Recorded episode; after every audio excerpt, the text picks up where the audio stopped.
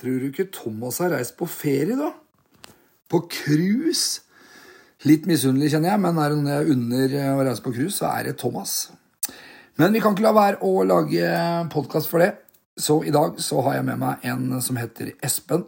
Han har uh, hatt det tøft i perioder i livet. Og uh, det har faktisk gått så ille at han ble uh, for litt siden lagt inn på DPS i Moss. Men han har et sterkt ønske om å fortelle sin historie, så den skal du få nå. Så tusen hjertelig takk for at du hører på, og nyt en time med Eller nyt og nyt, det blir kanskje feil å si. Ha det ålreit ved å høre en historie som eh, kan være både vond og god på forskjellige måter. Enjoy!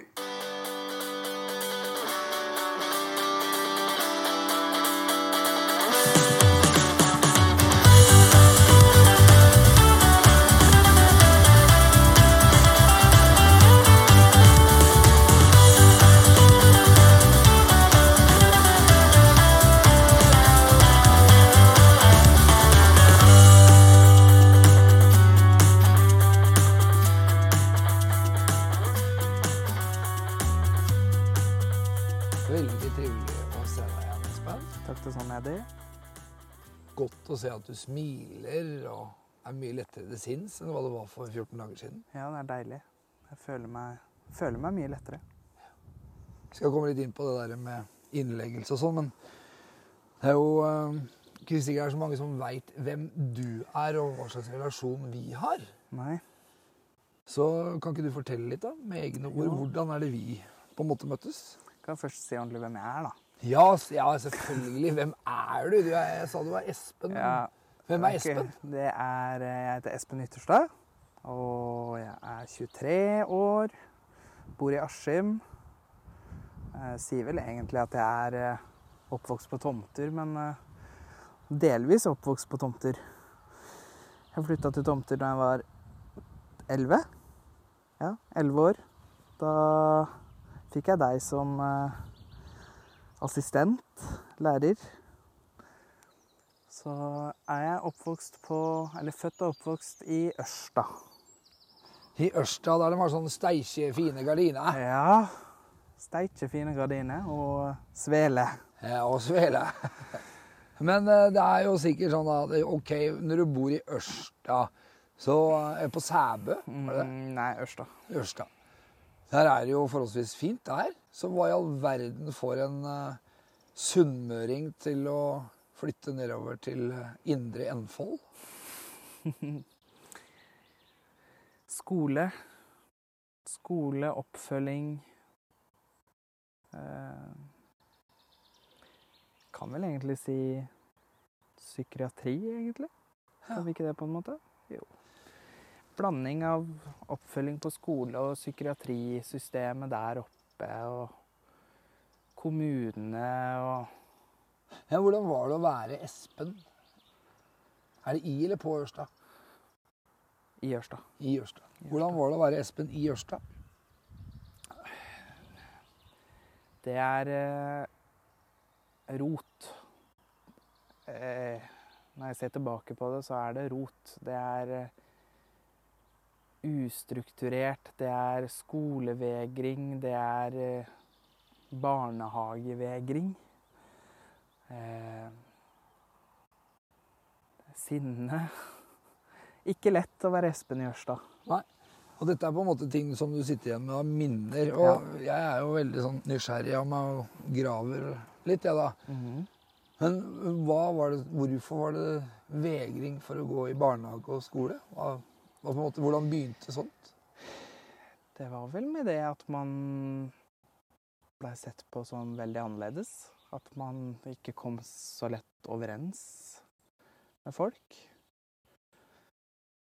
Eh, Men du er jo en kjekk gutt. Du er jo ikke noe annerledes, du. jo, vi er alle annerledes. Jo, jo, standard, men nei da, jeg er ikke noe ja, Nei da, jeg er ikke Nei. Med riktig hjelp så har jeg blitt eh, Så har jeg blitt en mye bedre versjon av meg sjøl. Men hva, hva tenker du var, var grunnen til at du var litt annerledes, da? Nei, jeg fikk jo Hvordan var du annerledes? Ikke bare i grunn. Hvordan Ja, var du nei, altså sinne, fort sinna. Øh, vanskelig med relasjoner, vanskelig å, kommuni å kommunisere. Vanskelig å lese folk og forstå. Det der å ta ting i verste mening og gå i forsvar. Mobba fordi man er en som blir sett på som en bråkmaker. Uromoment. Det er lett å hisse opp, da, sikkert. Eh, absolutt. Veldig lite som skal til før man blir vippa av pinnen, eller før eh, lunta blir antent. Og den lunta er ikke stor. Eller var ikke stor. Jeg kan jo Jeg viker jo Det var ikke mange år jeg gikk i barnehagen før mamma tok meg ut. Mamma var eh, Eller er hjemmeværende. Har vært det så lenge jeg kan huske. Så hun tok meg ut fra barnehagen. Um, og så begynte jeg igjen. Jeg tror jeg begynte året før jeg liksom skulle begynne på førskolen. Liksom, og liksom, der, da husker jeg, da begynte jeg i en annen barnehage i Ørsta. Uh, For å se om det kunne forandre seg noe? da. ja. Jeg veit ikke helt eh, husk, Husker ikke bakhistorien. Nei, det er jo såpass eh, mange år siden. Så. ja. Men da begynte jeg der, og jeg husker eh, Jeg veit ikke, men jeg, jeg, når jeg ser, til, ser tilbake på det nå, så føler jeg på en måte at jeg blei kjent med folk på en måte der. Altså jeg, når jeg liksom tenker tilbake på nye relasjoner og nye bekjentskaper, liksom, så er det vel kanskje det jeg husker mest av, at det gikk an å leike sammen og sånn. Jeg husker ikke så mye, liksom, da, men det er bruddstykker. I den barnehagen som du gikk eh, Den siste. gangen, da. Så husker jeg også første dagen jeg kom på barnehagen der, så klarte jeg å skrive navnet mitt for første gang. Ja. Det har vi bilde av en plass hjemme. Det er... Henger i stua, eller? Nei, det gjør det ikke. Men jeg malte. Jeg malte med sånn fargemaling. Vannmaling. Og én er eh, bak fram, så de strekene ut er liksom utover. Og ja, små og store bokstaver og Ikke sant? Så kom jeg på skolen, og da begynte jeg på den skolen som jeg eh, egentlig sogna til. Det samme liksom folka som jeg gikk i barnehage med første gangen, i Hovdebygda. Og da begynte jo egentlig Da begynte man å se det veldig godt. Det starta jo med eh, litt separasjonsangst, kanskje. Jeg var, litt, eh, jeg var veldig min til mamma. Ja, for hun gikk hjemme da, og da var du liksom Ja, sammen med henne. Ikke sant? Det Ja. var mamma, mamma og jeg. Hæ? Pappa var på jobb. Mamma og pappa bor sammen fortsatt, da. Og er sammen. Men det var liksom alltid mamma og jeg. Hele dagen og sånn. Og så litt separasjonsangst, og så blei det vanskelig å følge med, og blei fort Veldig fort stempla som bråkmakeren, uromomentet der. Eh, spesielt én elev husker jeg som eh, var veldig på å hisse meg opp og skulle få meg til å eksplodere. Han fikk jo aldri skylda. Det her gikk jo første, hele første klasse. Så var det vel i mellomgangen, tror jeg, mellom første og andre klasse. Da fikk jeg diagnosen ADHD. Ja. Og jeg husker jeg sa det at det her vil jeg være åpen om, for jeg sleit jo med venner. Jeg husker vi hadde sånn vennegruppe. Ingen ville være komme hjem på når jeg hadde vennegruppe. Barnebursdager også er bursdager er noe av det verste jeg veit. Den dag i dag. Ja. Det er så mye ekle minner med det. å sitte aleine og ingen som kommer Ingen som møter opp. Ja, for det, det du sier nå, at du ble, du ble ikke invitert til bursdag, og når du hadde bursdag sjøl, så var det ingen som kom i din bursdag. Selv om jeg inviterte hele klassen. Mamma, mamma og pappa liksom, Jeg husker vi leide bowlingen i Ørsta. Prøvde liksom å gjøre morsomme ting også. Men eh, nei, folk kom ikke. Folk sa ikke fra heller at de ikke kom. Og jeg blei ikke invitert heller i bursdager etter hvert. Det er fryktelig trist å høre. Eh, Jeg tenker jo at eh, Det hjelper jo ikke på det å føle seg annerledes. Man vil jo føle seg veldig ensom og, og utenfor alt. Og vi mennesker er jo flokkdyr, så det, det er jo naturlig for oss å skulle ha Flokket. Ja, rett og slett.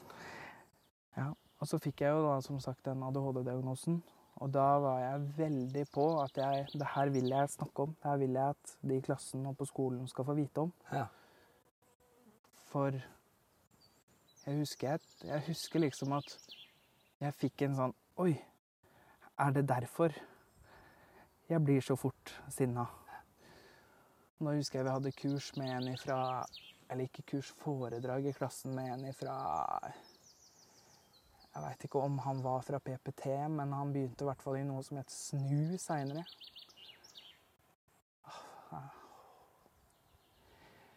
Da sto de der, han og ei dame sto der med sånne her eh, tegne-flipovers. Og så sto de og tegna liksom at Inni hjernen så er det en kanin og en, et nesehorn. Og hvis man sier snille ting, så blir kaninen større. Og hvis man sier stygge ting og slemme ting, så blir nesehornet større. Som gjør at Espen blir sinna og ikke er seg sjøl. Ja. Så det var noe de sto og forklarte Ja, for klassen? det er jo, din, og det er jo ja, ja, for klassen. Og det er Mm. veldig greit, det. Det er jo egentlig et veldig fint bilde på det, på en måte. Med det at eh, den, og den, Når det nesehornet blir så stort, så tar det overhånd, og da har man ikke kontroll, liksom, på en måte. da. Men det her blei jo Altså, når det ble ikke noen forståelse, og foreldre også, husker jeg Eller jeg veit mamma og pappa fortalte meg at de hadde også kurs med foreldre. Ja. Eller foredrag med, for foreldregruppa. Og eh, ja, det blei liksom ikke Det var ikke sånn at eh, Ja, ja, det gjør ikke noe, på en måte. Men Var det bare du som hadde den diagnosen da? eller var det måtte i liksom I, klassen, ja. Hæ? Ja. Og det foredraget for foreldre, det var liksom da for klassen din? da, de, Ja, for um, Ja, På grunn av at du hadde Ja. ADHD? Ja. stemmer. Var ikke det ganske voldsomt? Jeg veit ikke. Jeg liksom, det har ikke jeg tenkt noe på, det der med foreldregreiene. Det har ikke jeg visst om, på en måte, før Ja, jeg ble større, da. Men uh, det var jo på en måte jeg som ville litt det der med at eh, de skulle snakke litt om ADHD i klassen. Ja. Men det var nok kanskje litt tidlig. Kanskje i andre klasse. Men det som liksom jeg har blitt fortalt etterpå, er jo at foreldre har gått og distans, eller sagt til sine barn at man skal Holde deg unna Espen, han klinger her nå. Stemmer. Basically, da. Det er jo klart, det er jo, det er jo alltid noen som ikke er sånn nå. Ja, ja. Det er det jo. Det, man skal ikke ta alle under samme kam, men det blei jo sånn, da. Og da blei jeg gående aleine, og det her varte jo. Og ikke bare det med, med venner og, og sånn, men det gikk jo også utover eh, Jeg fikk jo raserianfall på skolen. Og eh, Var det da medelever som utløste det, eller var det lærere? Eller var Det var lærere også, det. Det var håndtering av, eh, fra læreres side. Hvordan å håndtere meg, og hvordan Jeg husker han ene som jeg begynte å snakke litt om, han som var veldig på å trigge meg. Jeg husker spesielt en gang når vi gikk i an første klasse, andre klasse. Så klarte jeg å la være å være utagerende tilbake mot han når han hadde slått meg. Det blei jeg absolutt ikke trodd på.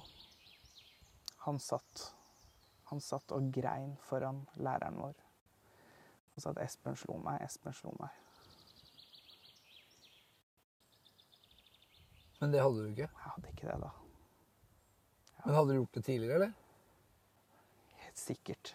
Jeg har vel sikkert det. Altså, Men det var han som var offeret, da, fordi selv, det var han som trigga deg? Han også. som Ja, ja, alltid. Og det her husker jeg også. Det er flere av de som jeg gikk i klasse med, som jeg har snakka med i etterkant om også. Det er ikke mye jeg snakker med dem, men det har vært noen ganger jeg har møtt dem når jeg har vært der, som har sagt det at Ja, men det var jo han. Det var jo han hver gang. Men ingen som sto opp.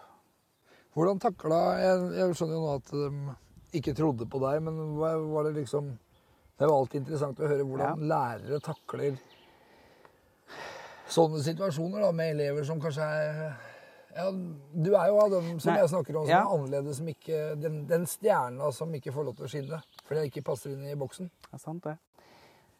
Nei, altså Jeg har egentlig fortrengt såpass mye av det, men jeg veit at det endte ofte veldig mye med at jeg gikk hjem i sinne. Og jeg er en fyr som hater å gå. Jeg hater å være aktiv. Jeg har aldri vært noe sportslig av meg eller noe som helst. Og det er et lite stykke å gå, altså. Men jeg fikk jo jeg fikk Par hundre meter eller noe sånt? Nei da. Det var morsomt, det. Jeg husker jeg fikk meg telefon. Jeg fikk, jeg fikk arve en av de gamle telefonene til pappa eh, når jeg begynte i andre klasse, fordi det blei sånn at jeg gikk. Da hadde du Og- muligheten til å si ifra. Da hadde jeg mulighet til å ringe mamma og si at nå er jeg på vei hjem, for nå funker det ikke lenger. Og jeg husker jeg blei satt eh, Jeg husker jeg blei dratt mm, i hånda ut på et grupperom. Som straff. Hadde du sittet der aleine da, eller? Men jeg skulle også ha med meg bøkene, ja. Mhm. Og det her, nå snakker vi altså etter jeg har fått diagnosen. Nå snakker vi om tredje klasse, liksom. Nå skal du sitte her, og du skal lese, eller du skal gjøre sånn og sånn. Men du kan ikke sitte der ute fordi du oppfører deg ikke. Jeg hadde også fått sånn derre skille, skillevegg. Ja. Skillevegg. Så jeg satt helt bakerst i klassen eh, med skilleveggen, og så satt jeg liksom inn i sideveggen, for å si det sånn. Jeg så liksom ikke mot tavla. Så husker jeg jeg prøvde å rekke opp hånda for å be om hjelp.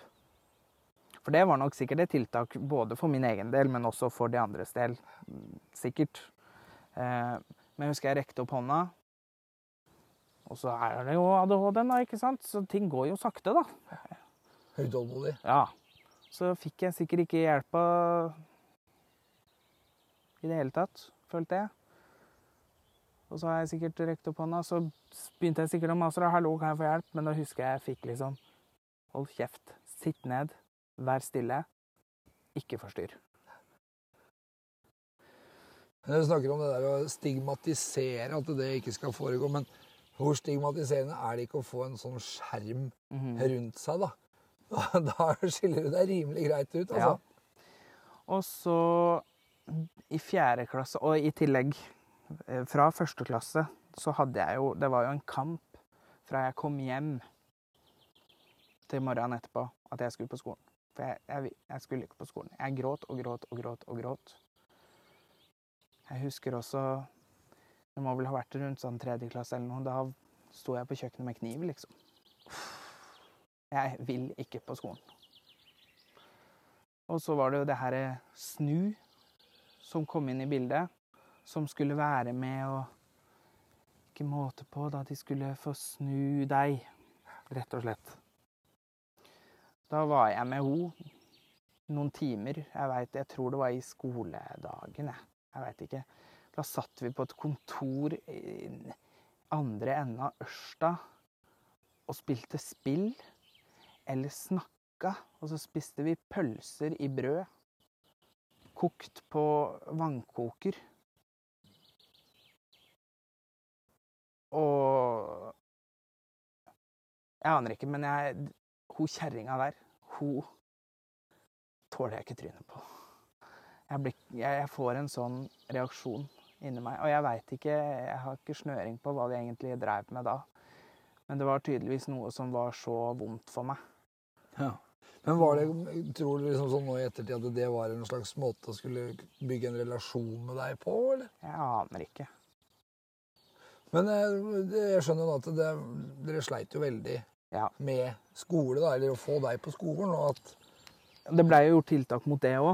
Ja. Jeg blei jo flytta skole eh, til den skolen som på en måte sogner til den andre barnehagen jeg også ble flytta til. Ja, ok. Det var da i fjerde klasse. Da fikk jeg også en assistent eh, som eh, kjente litt til oss, for det var bestekompisen til søskenbarnet mitt. Og ja Jeg kan vel på en måte si det at jeg, når Hvis jeg ser tilbake på det, hvert fall, så begynte ting på en måte å bli bitte litt lettere. For hun læreren som jeg hadde også da, var verdens, verdens koseligste dame. Eh, og han assistenten min, men han var jo ufaglært da, og hadde ikke riktig støtteapparat rundt seg til å kunne utføre Eller til å kunne vite hvordan han skulle håndtere ting. Men der også gikk det jo litt i det her med Nei, ikke assosiasjoner, men eh, sosiale antenner og det å få venner og, og vennskap var vanskelig. Eh, og da var jeg jo også gått de nesten fire åra på den andre skolen og fått høre fra hele skolen trippel ADHD og alt sånt, så jeg var jo i forsvarsmodus, da. Men eh, jeg gikk der til Jeg gikk der fjerde og femte klasse.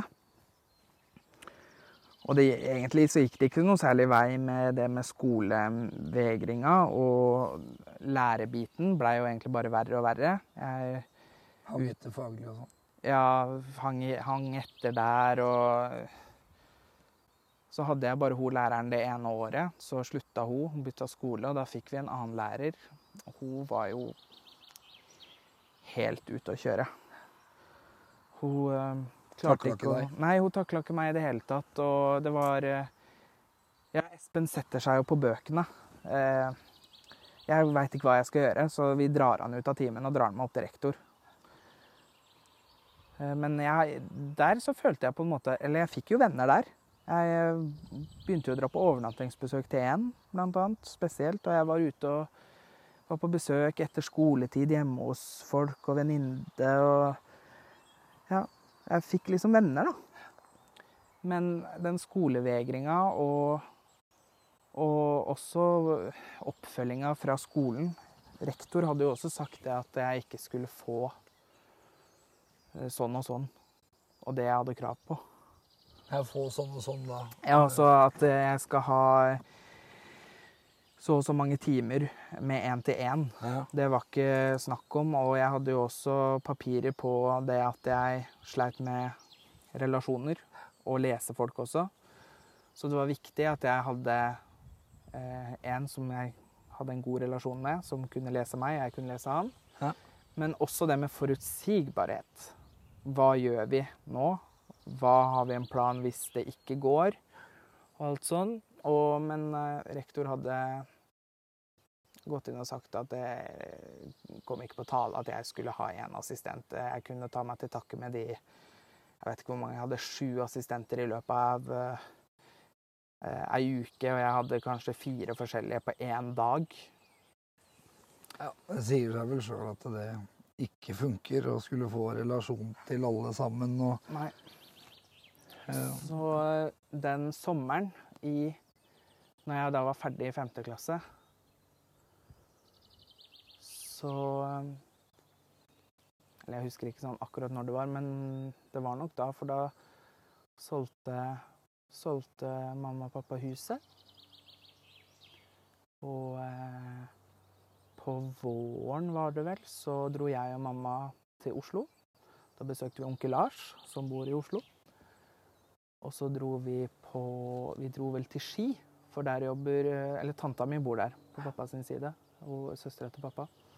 Hun eh, bor og jobber som lærer på Ski. Så dro vi dit på visning. Vi var her nede en god stund.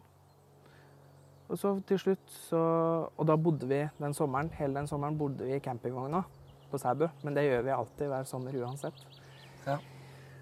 Pappa sa opp jobben, så han gikk egentlig Egentlig så var det usikkert hva vi skulle gjøre, men eh, de, de hadde avgjort at vi skulle flytte. Det her går ikke lenger. Og så helt plutselig så fikk vel mamma beskjed av Heidi Skjelle, som er lærer på Tomter skole, som hun, mamma har eh, De er vel like gamle, tror jeg. Jeg tror det. Han har gått i klasse. Og da sa Heidi Skjelle at eh, tomter er fint. Her er vi gode, liksom, på det. Så da dro vi på visning til tomter. Og bestemte oss for at ja, vi ønsker å leie her. Og så fikk vi da det huset. Det vi fikk, egentlig så fikk vi ikke vite det før ganske lenge etterpå, men hun ringte oss samme dagen som vi hadde vært på visning, for mamma sa åssen ståa var og hvorfor og sånn. Da ringte de og sa at vi syns det var så på en måte trist, men så fint å høre at dere har solgt huset og sagt opp jobben for å Verne om deg. Ja. Så da fikk vi det huset, og da husker jeg at vi kom i kontakt med Eller jeg begynte jo å bli redd, da, ikke sant? Engstelig for hva som skjer nå. Forandringer. Uforutsigbarhet og forandring. Men så Jeg husker ikke når jeg fikk møte deg og Janne. Jeg lurer på om du var på besøk ja, noen dager før skolen begynte. Eller om Var det var, dager? kanskje det var det uka før sommerferien. det, ja. liksom. Da møtte jeg i hvert fall dere. Og jeg fikk en liten omvisning, eller? Ja, fikk en liten omvisning, og da begynte jeg på basen. Sjette Og klasse. basen, det der er jo Eller var en eh, For en gruppe elever som ja, strevde litt med forskjellige ting. Hadde litt forskjellige utfordringer. Mhm. Og da begynte du der Og da, når skolen starta igjen til sjette klasse. da hadde jeg ikke hadde jeg ikke mye sosiale antenner da, altså.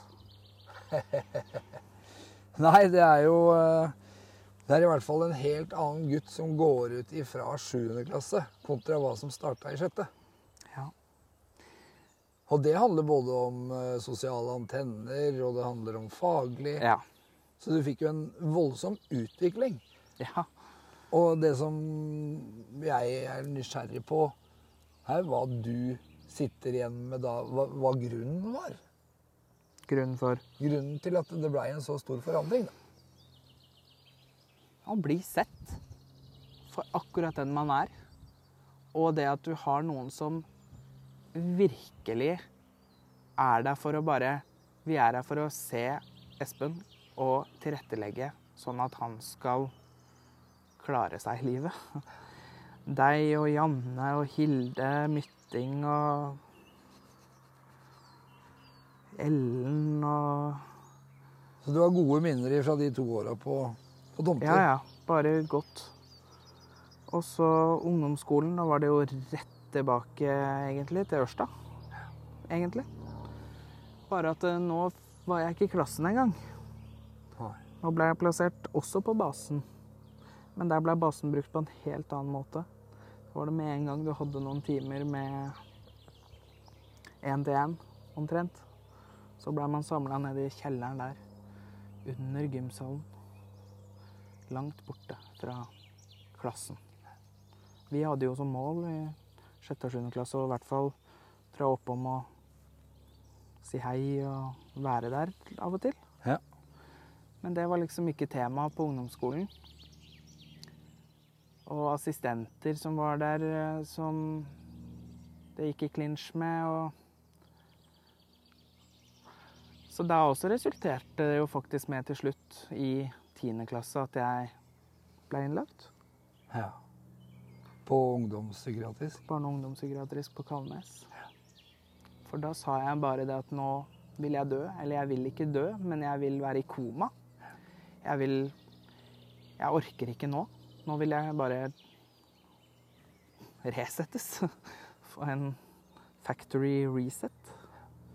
Men eh, det var ikke mange dagene jeg var der, for der var det liksom ikke noe opplegg rundt det. Nei, jeg husker jeg var jo nede og besøkte deg. Og du var liksom ikke noe happy med det Nei. tilbudet som de hadde der. Og det òg er jo veldig vondt. da. Vi blei jo veldig godt kjent på de to åra. Og så se den frustrasjonen som bor i deg, kontra hvordan du hadde det. da. Ja. Og jeg fikk jo komme tilbake til dere.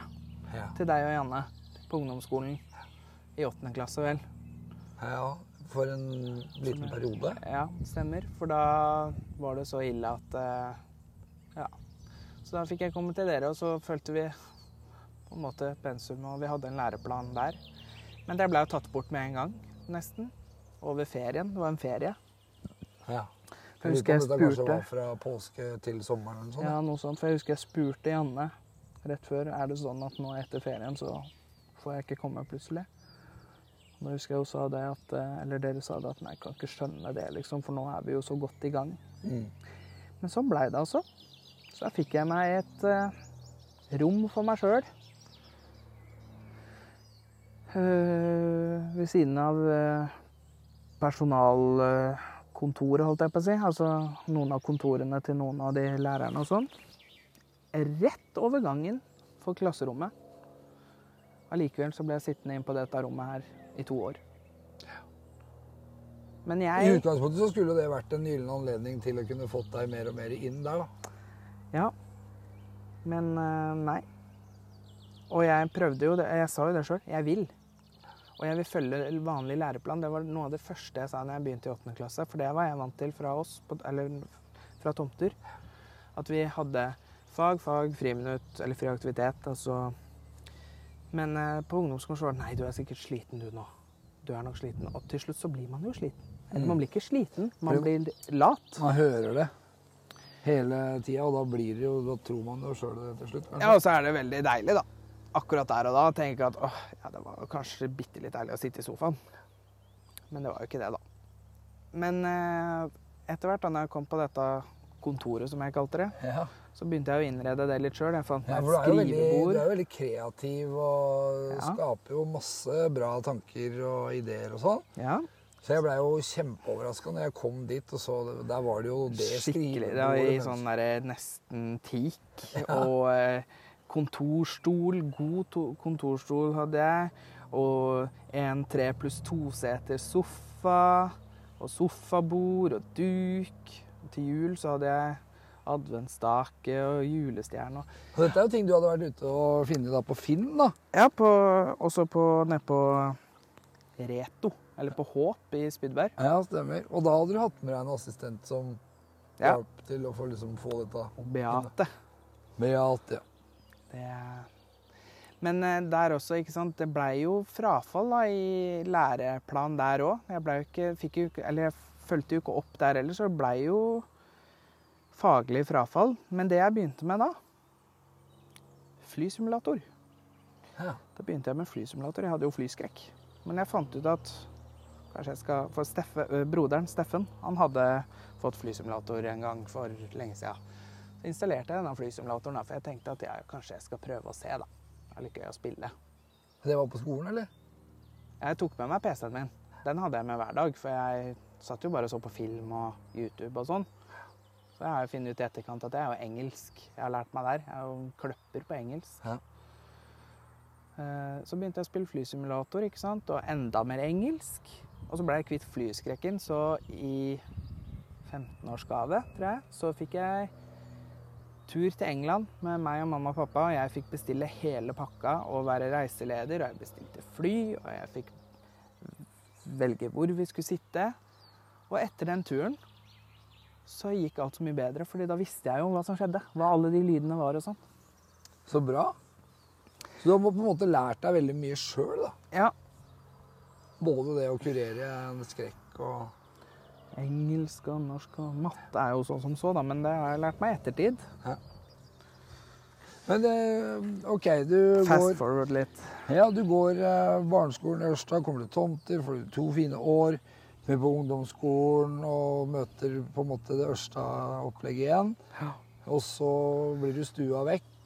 Eh, Mm. så husker jeg jeg ble jo kontakta da for å, for å avslutte uka sammen med deg på ungdomsskolen. Jeg lurer på om det var i 10. klasse? Stemmer. Siste delen, tror jeg. Ja, Siste halvåret. Typ fra jul eller noe sånt. Ja. For det var etter jeg hadde vært på Kalnes. ja, stemmer. Og da fikk jo vi to fine timer på fredagene. Og det her var vel gjort i forbindelse med at det skulle liksom avslutte uka på Ja. en god måte for deg, da. Mm. At du kunne gå inn i helga med kanskje litt lettere sinn. Vi hadde jo en veldig god relasjon, og har det fortsatt òg. Og at det var Ja. Det var, En trygghet også. Ja. Når, eh, når det var som usikrest ellers på skolen, så kunne jeg i hvert fall se fram til de to timene med deg på fredag, men det var vanskelig å fortsatt komme seg på skolen på fredag. Eller på fredagen også, selv om jeg visste at jeg skulle være med deg. Og så gikk det jo så langt også at jeg fikk jo ikke vært med på brobygging. Nei, for det var jo noe du skulle til videregående, ja. Så kom vi vel fram til da, at nei, Espen er jo glad i å lage mat. Så du kunne jo dratt på restaurant og matfag. OK. Jeg vet ikke. Jeg gir da egentlig faen. Jeg får ikke lært noe uansett, tenkte jeg, så det er samme ordet jeg er. Eh, Men da fikk jeg liksom beskjed at nei, men ikke tenk på det. Det med søknad og sånn, det fikser vi. Og så Sier skolen. ja, det sier skolen. Så dro vi på ferie. Og så ringer de fra opptakskontoret eller hva det er. Jeg har ikke fått noen søknad. Skal ikke Espen gå på noen skole? Søknadsfristen hadde gått ut, i hvert fall for, eh, med sånn særskilt grunnlag. For jeg hadde jo ikke noe karaktergrunnlag annet enn uh, musikk Jeg tror jeg hadde musikk eh, Sal og scene fra ungdomsskolen. Og mat og helse. Der hadde du karakterer. Ja. Ellers så hadde det blitt søkt om fritak, eller var det noe de Det veit jeg ikke. Du var jo på en måte ikke Jeg var jo Hadde du ikke noe fag Eller så jeg hadde jo ikke noe vurderingsgrunnlag whatsoever, så Nei. Men um, eh, Det var ingen som hadde søkt eh, Ja, eller stemmer. tatt med noe søknad eh, til noe videregående. Så da måtte jo mamma forklare det her. da. Vi var jo på ferietur òg. Vi var jo ikke i Norge engang. Men da sier de liksom bare at nei, men vi skal prøve å få fiksa det. Og det blei heldigvis fiksa òg. Starter jeg der. Det første jeg sier, er at jeg skal ikke på noe base. Jeg skal gå i klasse, og jeg skal ha karakter i alle fag. Jeg var så tydelig. Nei, sier råd, rådgiver og jeg veit ikke hvem andre var. Nei, det er nok ikke så lurt, det. Eh, så jeg fikk rett og slett ikke ha karakterer i fag. Fikk ikke lov. Jeg fikk ikke lov. Eh, og de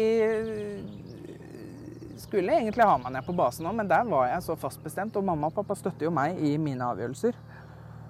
Eh, så det endte med at jeg fikk dra i klassen. Og det er det beste året jeg har hatt på skolen i hele mitt liv. Fordi du følte det Nå var du en av Ja. den vanlige sammen med Og jeg var i en klasse der egentlig nesten ingen kjente hverandre fra før. ikke sant? Ingen fordommer. Og der ble jeg kjent med Hedda, som er min aller beste venn. Og eh, jeg blei kjent med så mange, og vi blei et, ble et så fint klassemiljø. Der alle leste hverandre så godt, så de så når jeg var sliten, og når jeg begynte å få kort lunte. Da var det sånn Nå lar vi Espen være. Og verdens beste lærer, Marianne, stakkar. Uff a meg. Vi var en hyper gjeng. Men så En god stemning, da. ja da, fikk jeg en grei assistent også, som var med én til én hele tida. Og gjorde det bra på kjøkkenet.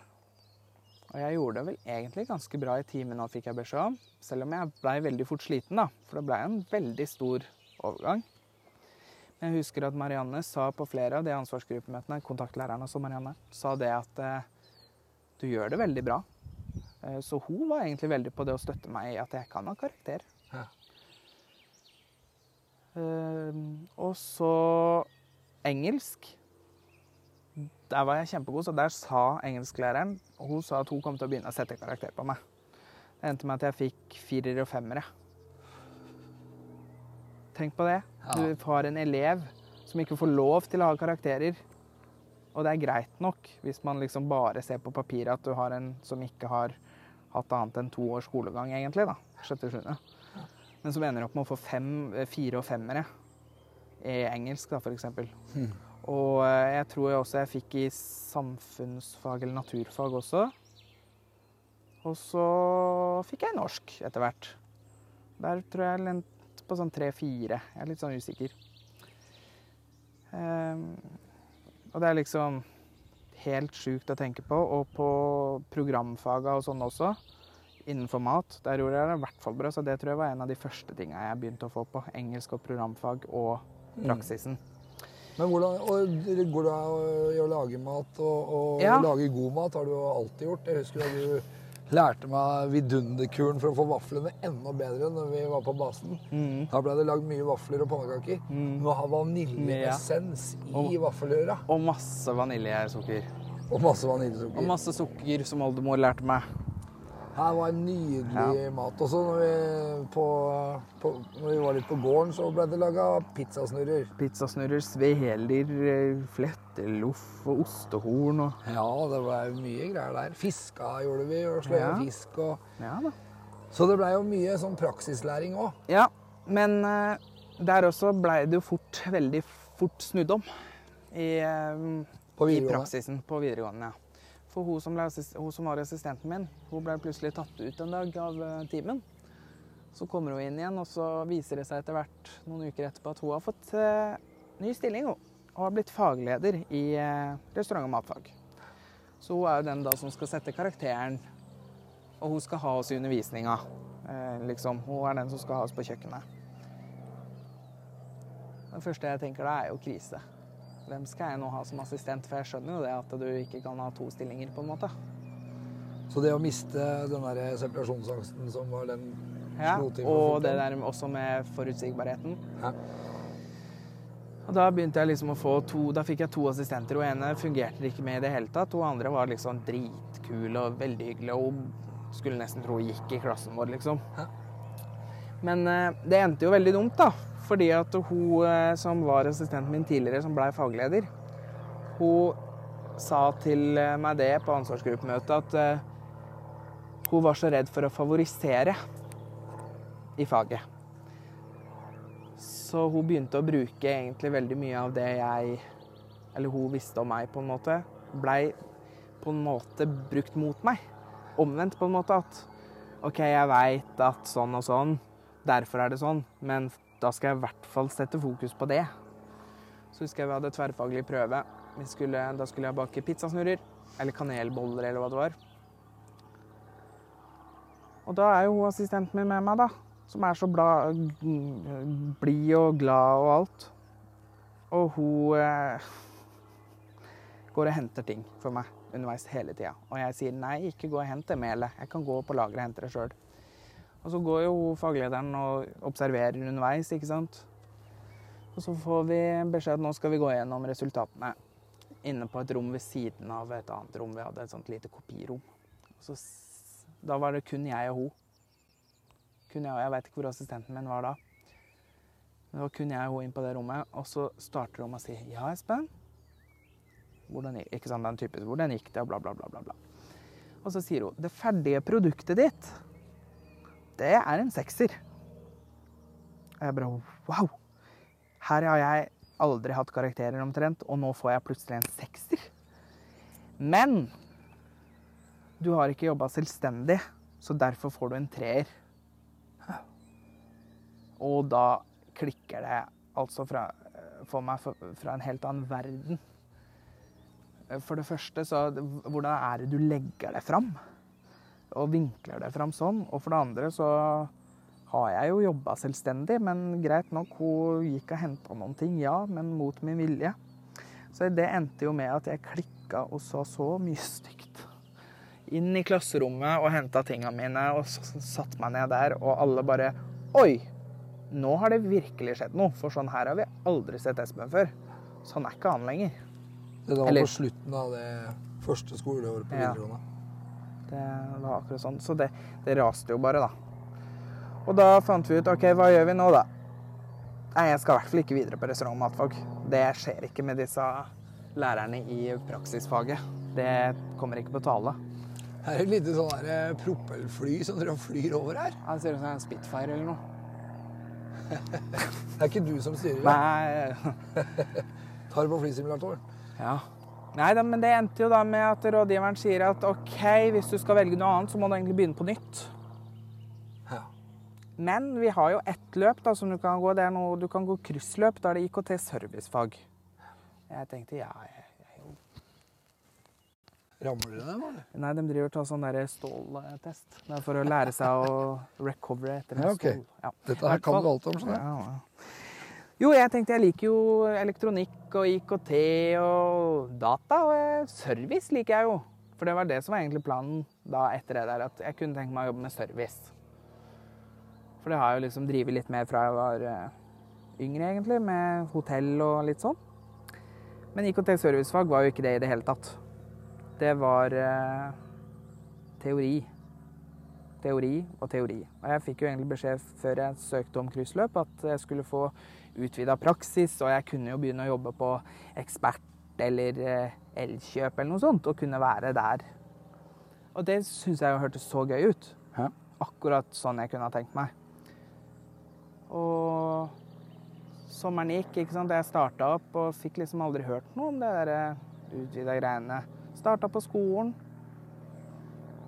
Nei.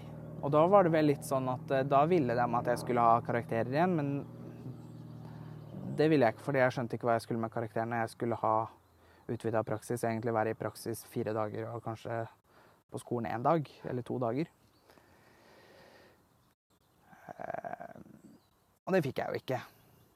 Jeg fikk jo ikke noe utvida praksis. Jeg fikk jo ikke noe praksis i det hele tatt. Eh, Så fikk jeg en assistent. Han var kjempehyggelig. Veldig grei. Eh, Men det endte vel Der også begynte det å ende med at jeg ikke kom og sånn. Eller holdt på å gå mot det at jeg ikke kom. Og i og med at jeg hadde fritak, så hadde jeg også fritak fra fraværsregelen. Så jeg hadde mye sånn paragraf eh, bla, bla, bla på fraværet eh, akkurat da. Og så begynte jeg vel å gå mot en sånn eh, veldig mørk periode igjen med at jeg sleit. Så da tok han assistenten min affære og sa nå skal vi gjøre noe annet. Alternativ eh, undervisning. Så da lagde vi oss en eh, markedsundersøkelse, på en måte. Eller vi skulle dra rundt i butikker og anmelde dem ut ifra ferdigstilte spørsmål. Så skulle vi flette det her inn i en HTML, altså ko med koding, da, og kode oss en nettside. Ikke som blei lagt ut, men bare for internt bruk. Og så skulle jeg lære HTML, som er et kodespråk, og CSS, som er et annet språk der for å liksom legge farger og sånn. Ja. Og det her gjorde vi, da. Eh, og det var jo greit nok, men det var jo liksom ikke så veldig motiverende eller givende, det. Å dra rundt og gjøre sånn. Jeg fikk jo ikke noe input eller noen nye læringsgreier. Nei. Men da skulle vi også begynne i praksis. Da skulle vi liksom begynne i praksis, så er det sikkert ute i halvåret, da. eh, Om ikke mer, i andre klasse. Eh, videregående andre klasse. Så da fikk jeg utvida praksis på Euronix til slutt. eh, I Askim. Og begynte å være der. Så da blei det egentlig salg, da. Og det blei det omgjort til da når jeg skulle ut i læra. Men eh, i og med at jeg ikke hadde hatt eh, riktig løp og karakterer og sånn, så kunne jeg ikke følge en ordinær læreplan med lærling heller. Altså gå som lærling. Så da skulle de søke meg inn på Innovi i Mysen, som er en sånn oppfølging Oppfølging. Vi sitter på noen steiner, eh, sånn steinrøs her, Var det kjente at det var ordentlig steinsmak i ræva. Og innover Dem, eh, er, det er eh, firmaet som er innleid av kommunen for å følge opp eh, de som har alternativ eh, opplæring, da, på en måte. Sånn som Hobbelasvo Asvo og Ja. Men da viste det seg jo det at de hadde søkt meg inn på Innovi for IKT-service. Som lærling i det, eller lærekandidat i det. Og det fikk ikke jeg vite før jeg hadde første møte med Mona på Innovi, som ble liksom min person. Og da går jeg rett i kjelleren igjen, fordi jeg tenker at ja, nå får jeg ikke Nå mister jeg et år, da. Fordi at de ikke har klart å gjøre jobben sin, og det her må gjennom en papirmølle og bla, bla, bla, bla. bla. Nei da, sier Mona. Nei, hun har så søt dialekt, og hun er fra Trømborg. Det er sånn Nei, det er ikke noe problem, det her. Det fikser seg, det. Det ordner seg. Det er privat, vi, skjønner du. Det er privat, vi. Så vi fikser det. Vi fikser det. Det ordner seg. Så hun fiksa det, ordna det, og begynte på Power. Eller Euronic som lærerkandidat. gikk over på Power. Og så kassemedarbeider, blei til kasseleder før jeg var ferdig med kompetansebeviset mitt. Ja. Og her står jeg i dag, da. Jeg jobber ikke på Power nå, men nå har jeg kompetansebevis i salg. ja. Og jeg har to lederstillinger bak meg på Power. Eller ansvarlig da, for to avdelinger på Power. Fagbrev. Kompetansebevis. Nesten det samme. Og du har jo jobba i Jeg har ikke telling, jeg. Eh, Men jeg har jo jobba siden jo siden andre året på videregående. Ja. For da starta jeg helgejobbing i tillegg på Euronics. I tillegg til å være der på praksis. Og det er jo helt fantastisk at du fungerte så godt i jobb. Ja. Så fikk du tilbud om en ny Ja, og i den perioden her så har jeg vært din støttekontakt. Mm. Eh, to år, eller?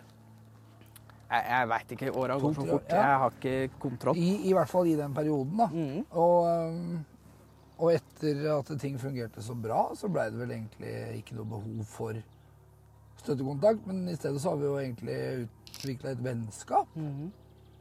Så vi har hatt våre svensketurer til Ja. ja. Tuxfors. Ja. Og hatt det veldig hyggelig og prata litt sånn sporadisk, men hatt uh, fine turer og gode samtaler. Ja da. Som har vært veldig hyggelig for, eh, for meg, og, og jeg tror det har vært det for deg òg. Ja, absolutt. Absolutt. Men eh, så i og med at vi har den relasjonen vi har, da, og at ting har vært Ja, og gått opp og ned i bølgedaler, så har vi jo Så tok du kontakt med meg her for en måneds tid siden. Nei, det var jo Ja, jo, det var til rocken. Ja, Da jeg fikk den plutselige Det har vi heller ikke sagt, for når vi eh, Når du begynte på Tomter, så har jeg drevet med Spillbar rockfestival. Du hadde jo akkurat hatt din første festival, du, da. Stemmer. I 2011. Ja. Jeg med, har vært med deg på rocken. Og så har jo mamma jobba som frivillig ja. på rocken. Så jeg har vært med henne. Fostra opp med, med festival. Ja, Og der, der har du jo fått veldig mye forskjellige oppgaver som du har mestra, da. stemmer det. Og der også har jeg jo fått den der servicebiten. Sett at jeg er jævla god på å drive med service. Ja. For jeg har jo jobba oppe på billettkontoret Ja. sammen med Eva Hamnerud. Og Jan. Og Jan. Jan Banan. Ja. Så Og, men det, det er jo det blideste ansiktet man møter når eh, man kommer til Espen og skal få på armbåndet sitt. Så det å ha deg der har jo bare vært en fryd, og det syns jo folk som kommer òg. Så hyggelig å se igjen samme fra år til år, og samme tullingen. du har utvikla deg. Ja, tulling. Det er jo mange forskjellige typer tullinger, da, men eh, Ja. jeg syns jo du er en eh, jævlig bra tulling, da. Takk, takk det samme, du. Ja? Jeg lærte av den beste, si. Vi har uh, veldig lik humor, da. Ja, det er det. jo, er jo bra. Men uh, hvis vi skal pensle Ja. det over til uh, hva- At jeg kom hva- til deg da Ja. Jeg kom til deg den eh, fredagen, var det vel, tror jeg. Nei, tors, torsdagen. Ja. For da du hadde jeg vært fortalte på meg jobb. litt under festivalen, Mm. og da sa jeg at dette her må vi ta tak i med en gang Ja. etter festivalen. Dette skal jeg hjelpe deg med, Espen. Og det var så godt, for mamma og pappa har jo flytta tilbake til Ørsta igjen. Ja. Det gjorde de i fjor, så jeg føler meg på en måte har jo følt meg på en måte litt aleine. Selv om jeg veit at jeg ikke er det. Men det er jo rart med det. Så du ble med meg til legen. Og fikk hjelpa meg litt med å legge ord på hvor viktig det er. For jeg har spurt om hjelp siden Hva var det han sa? 20? Eller 21? 20. Ja. Siden 2020 har jeg bedt om DPS, oppfølging, medisin og psykologsamtaler. Og i 21 så ble, nei, 22 så kom jeg inn på DPS-en i Askim fordi jeg skulle utredes for bipolar. Da brukte hun to timer på å finne ut at jeg ikke er bipolar, men at jeg brukte feil medisin. Så tok vekk ADHD-medisinen min og satte meg på en antidepressiva. Og siden det så har livet mitt gått så voldsomt ned i dass, egentlig. Jeg har ikke klart å stå i jobb. Og sinnet kommer tilbake. Jeg slår i veggen til jeg får vondt i hånda fordi jeg klikker fordi vi ikke har pepper hjemme til maten. Ja, det har vi heller ikke sagt at du har jo du har jo fått eh, kjøpt deg egen leilighet, Ja. du har en samboer. Mm. Forlova. Forlova. Forlova har det blitt òg. Ja. Men eh, frykten eh, for det der å miste samboeren din, da, Mm. var jo også en, den, noe av det du nevnte for meg, at eh, Ja.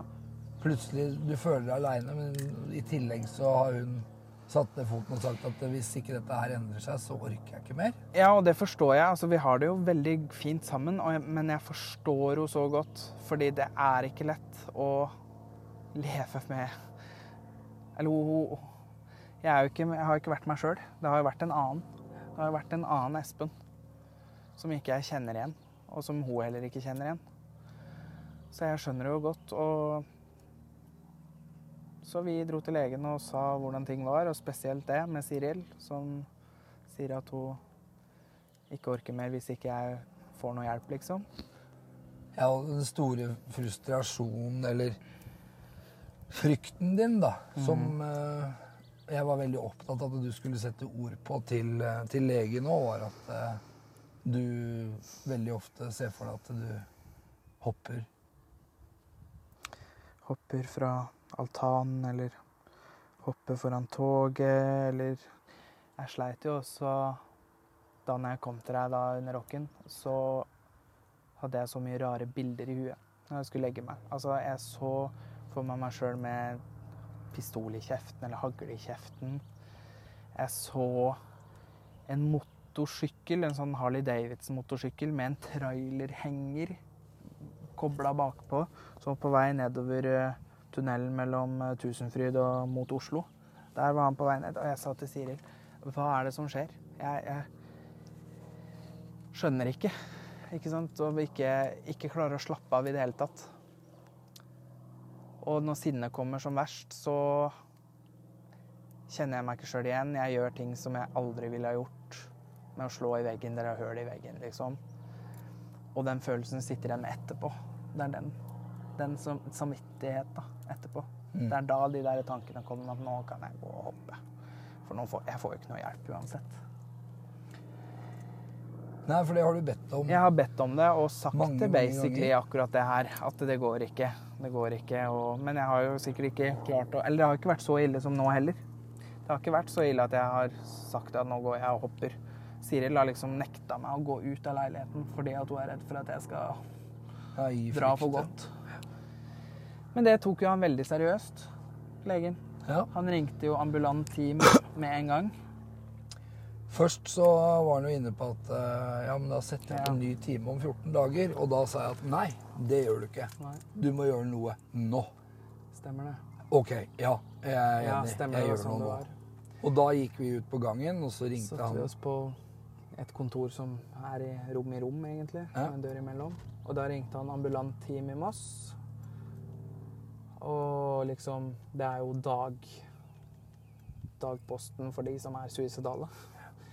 Ringte han de og fikk kontakt med de, og da Når vi kommer inn igjen da Eller han spurte vel Han sa det at du kan få et nummer som du kan ringe hvis det er så ille. Og da var det du sa så godt for meg. For jeg er så sliten, ikke sant? så jeg klarte jo liksom ikke da å si nei. Men da var det du sa så godt for meg at jeg tror det Espen trenger, er at noen ringer han. At det ikke ligger på han. Mm. Det var veldig godt. Og da endte det jo med at eh, Andreas, eh, min lege, sa det at eh, Da ringer jeg nå. Og når han ringte dem, så sa han at nå har jeg snakka med dem, dem ringer jeg etterpå. Og så snakker dere om veien videre og kanskje en innleggelse også. Og det hadde jo jeg og du også snakka om. Mm. Angående innleggelse. Ja. Der, så har jeg jo litt opp og ned eh, tanker. Ja, for du frykta jo det her litt. Ja, jeg frykta det, fordi jeg husker når jeg var på, skulle utredes i sjette, sjuende. Da var jeg på Åsebråten, og det var liksom Hva vil du ha på brødskiva di? Nei takk, jeg vil ikke ha mat. Skal du ha majones eller leverpostei? Det der å hele tida gå og egentlig bli oversett og overtrampa og overstyrt.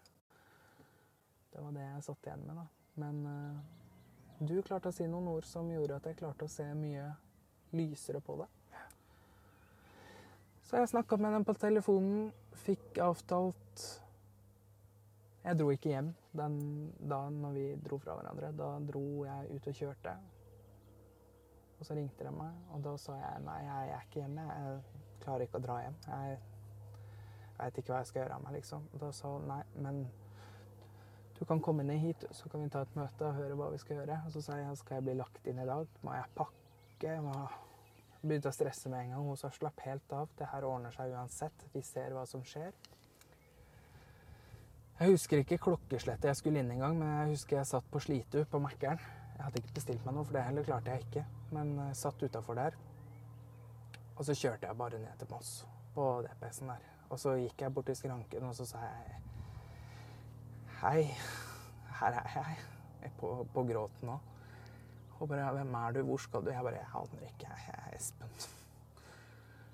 Så ble jeg sittende der litt, for de hadde visstnok lunsj.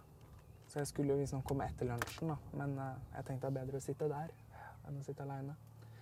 Snakka med dem og fortalte dem, og da sa de det at eh, de kunne tvangsinnlegge meg hvis jeg ønska det. Men da blei det veldig kort opphold, og mest sannsynlig så fikk man ikke gjort noe konkret. med de problemene jeg hadde. Men at det var liksom en plass å være, da. Men jeg kunne også få en planlagt innleggelse. Og da Jeg veit ikke, sa jeg. Jeg trenger at dere bare bestemmer for meg, jeg nå. Jeg snakka vi litt til, og da kom vi fram til det sammen. At vi tar en planlagt innleggelse, men at jeg har muligheten til å ringe hvis det skal bli verre igjen. Sånn at jeg kan komme inn på, på hast, på en måte, da. Um, og så, men da måtte jeg vente igjen da, til å få vite når jeg skulle komme, eller når jeg skulle få time til innleggelse. OK, se, det er greit, det. Så ringer jeg meg opp igjen uka etterpå og Det var bare noen dager etterpå, var det ikke det? Var det? det det, ja? Ja. Ja, ja, og så kunne jeg komme på et møte Nei, det var noen dager etterpå, ja. Da ville de ha meg inn på møte med lege og Jeg veit ikke hva de er, sykepleier, helsepleier eller noe sånt. Ja. På det dag... Eller døgn... Døgngreiene. Skal se, jeg må bare drikke litt. Blei det møte? Det blei møte. Og igjen fortelle hvordan man har det, og hva man sliter med. Og da var jeg aleine òg om det, holdt jeg på å si. Nei, da var Siril med meg. Siril var med meg da, for det ville jeg. Siril er samboeren. Ja, Siril er samboeren. Eh, Så hun var med meg og fikk utfylle der jeg sleit med å si det. Og så sier de at ja, nei, men eh, du skal få, du skal få plass her, men vi veit ikke når. Og da har jo jeg lett for å krisemaksimere, jeg. Så da tenkte jeg ja, mange uker det da, eller Nei, som regel så er det innen eh, denne uka her. Eh, tre dager, liksom. Og at du får vite når du får plass, og plassen er innen ja, kanskje opptil tre uker. Og da sa jeg nei, det går ikke. Nei, De skulle prøve å få det til. Og så ringte de meg opp igjen da seinere på kvelden og sa det at jeg hadde fått plass, jeg, og jeg kunne komme i morgen. Eller jeg kan komme på fredag. Og jeg sa jeg kan godt komme i morgen, eh, men da var det litt sånn ja, eller du kan jo komme på fredag, så får vi litt tid til å lese papira, og du får litt tid til å summe deg. Jeg bare, ja, men jeg er egentlig, jeg har pakka bagen nå, jeg. Men da ble det fredag, da. Så jeg har vært på DPS-en i Moss siden fredag. Og jeg har fått uh, ADHD-medisin. For det har ikke du hatt på veldig lenge. Har jeg ikke hatt på over et år. Nei, siden 21. Og eh, tatt av, fått tatt av den der antidepressivaen som gjorde meg deppa. Ja. Og nå er jeg snart Ja, jeg, i morgen har jeg vært der en uke, egentlig. Nå er jeg på perm. Ja. Og jeg føler meg mye lettere. Du ser eh, Du ser ser- ut som en annen gutt. Ja, Du har fått tilbake fargen i ansiktet, du har glimt i øyet. Du er ikke den grå, og tunge gutten som ikke veit egentlig hvilket bein du skal stå på. Nei, det er mye lysere rundt meg. Det er det. Bli sett. Ha en rutine på ting. Ja. Begynne å få en liten sånn Ja, rutine rett og slett på når vi står opp, når vi skal spise, og nå skal vi ut og gå. Det er jo ikke tull det de sier med at uh, Det her er helt sjukt at jeg skal si nå, men det er ikke tull de sier at fysisk aktivitet har en del å si. Det hadde du ikke trodd at jeg skulle si. Nei, du er liksom ikke helt den typen, da. Men eh, jeg støtter jo den 100% Søvn, kosthold og fysisk aktivitet er jo de tre tinga som må være på plass for at eh, helsa skal være bra. Og så snakka jeg med legen min eh, i går. Mm. Eller altså han som er behandleren min der, da. Og da snakka vi litt om hva jeg skal gjøre hvis jeg blir veldig irritert, eller eh, Ja, da skal jeg fokusere på følelsen og kjenne hvor i kroppen Eller hva jeg kjenner i kroppen. Så hvis det bobler i magen, så skal jeg fokusere på akkurat hvor i magen det er. Og så til slutt så kjenner du den på en måte ikke, fordi du fokuserer så voldsomt på det. Det er som jeg sa til han, at her har jeg vært i Ja, jeg har vært på denne jorda her i 23 og et halvt år.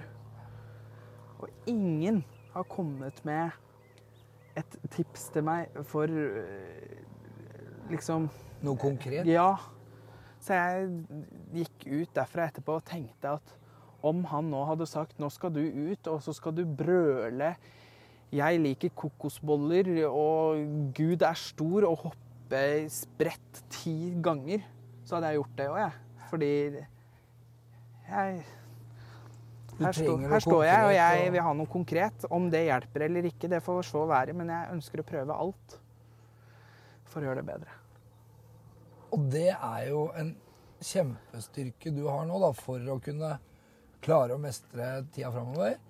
At du er villig til å gjøre alt. For du har jo sett veldig mørkt på å skulle prøve eller gjøre ting sånn generelt. At det negativ eh, i utgangspunktet. Og så er jo det jeg tenker veldig mye på nå, er jo oppfølginga videre. For de snakker jo om kommunen, og der har jeg jo jeg har stått på venteliste siden 22 på, det, på psykisk helseteam. Så de ringte meg jo da den torsdagen på Rocken. Da ringte de meg og spurte om jeg ville ha plass på noe som heter Rask psykisk helsehjelp. Og så begynte de å spørre litt spørsmål hva jeg sliter med og sånn, og da fikk jeg høre at nei, du er for sjuk til å komme hit. Men jeg har tydeligvis også vært for frisk til å komme på, til DPS. Så de blei veldig sjokkert på DPS-en og når jeg sa jeg har ikke hatt noe For de lurte på hvem er det du har som kontaktperson i kommunen. Så jeg har ikke noe oppfølging fra noen kommune, jeg. Det er litt rart, det landet her. At man er for sjuk for én ting, men man er for frisk for en annen ting. Ja, det som eh, jeg syns er forferdelig trist, er jo at man, man må faktisk være suicidal for å få akutt hjelp. Ja. Og det Man burde jo kunne ha noe mellomledd der, da. Mellom det å være rask psykisk helsehjelp, som man på en måte er lettere deprimert, kanskje, Mm. til å være så langt ned at eh, man ikke Lett. ser noe lys i enden i det hele tatt. Nei, det Tenk da om de hadde fanga meg opp da i 2021, kanskje, da. Så hadde jeg jo sluppet. Og for det første hadde jeg sluppet å ikke hatt jobb, kanskje. Jeg hadde kunnet fungert i en jobb, en arbeidssituasjon. Og jeg hadde Nei, det hadde vært lettere, kanskje. Men det veit vi jo ikke, da. Men jeg vil jo tro det, siden en uke på DPS i Moss eh, har klart å gjøre at jeg ser så mye lysere på alt, så kan jeg Ja. Jeg tror jo at det er viktig å huske på at det er, det er aldri noe quick fix. Da. Man Nei. må se langsiktig på det, men det er jo veldig positivt at etter bare en uke så har ting Ja. endra seg masse inni deg. Og så må man da Fortsette ta, ja, med ta, de hjelpemidlene man får. sant? Og det er jo masse fin undervisning vi har også, Ja. som eh, gjør at det går opp så mye lys for meg i løpet av en, en dag der nede.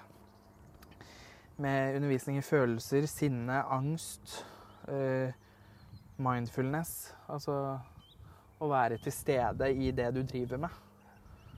Ikke bare fysisk, men psykisk. Jeg er veldig Jeg syns dette her er eh, fantastisk at du ønsker å dele, at du våger det, og at du allerede nå da eh, kan fortelle eh, så fritt om hvordan du har hatt det, og kanskje årsaken til at du har det som du har det nå, eller har hatt det nå en periode, eh, hva, hva det er.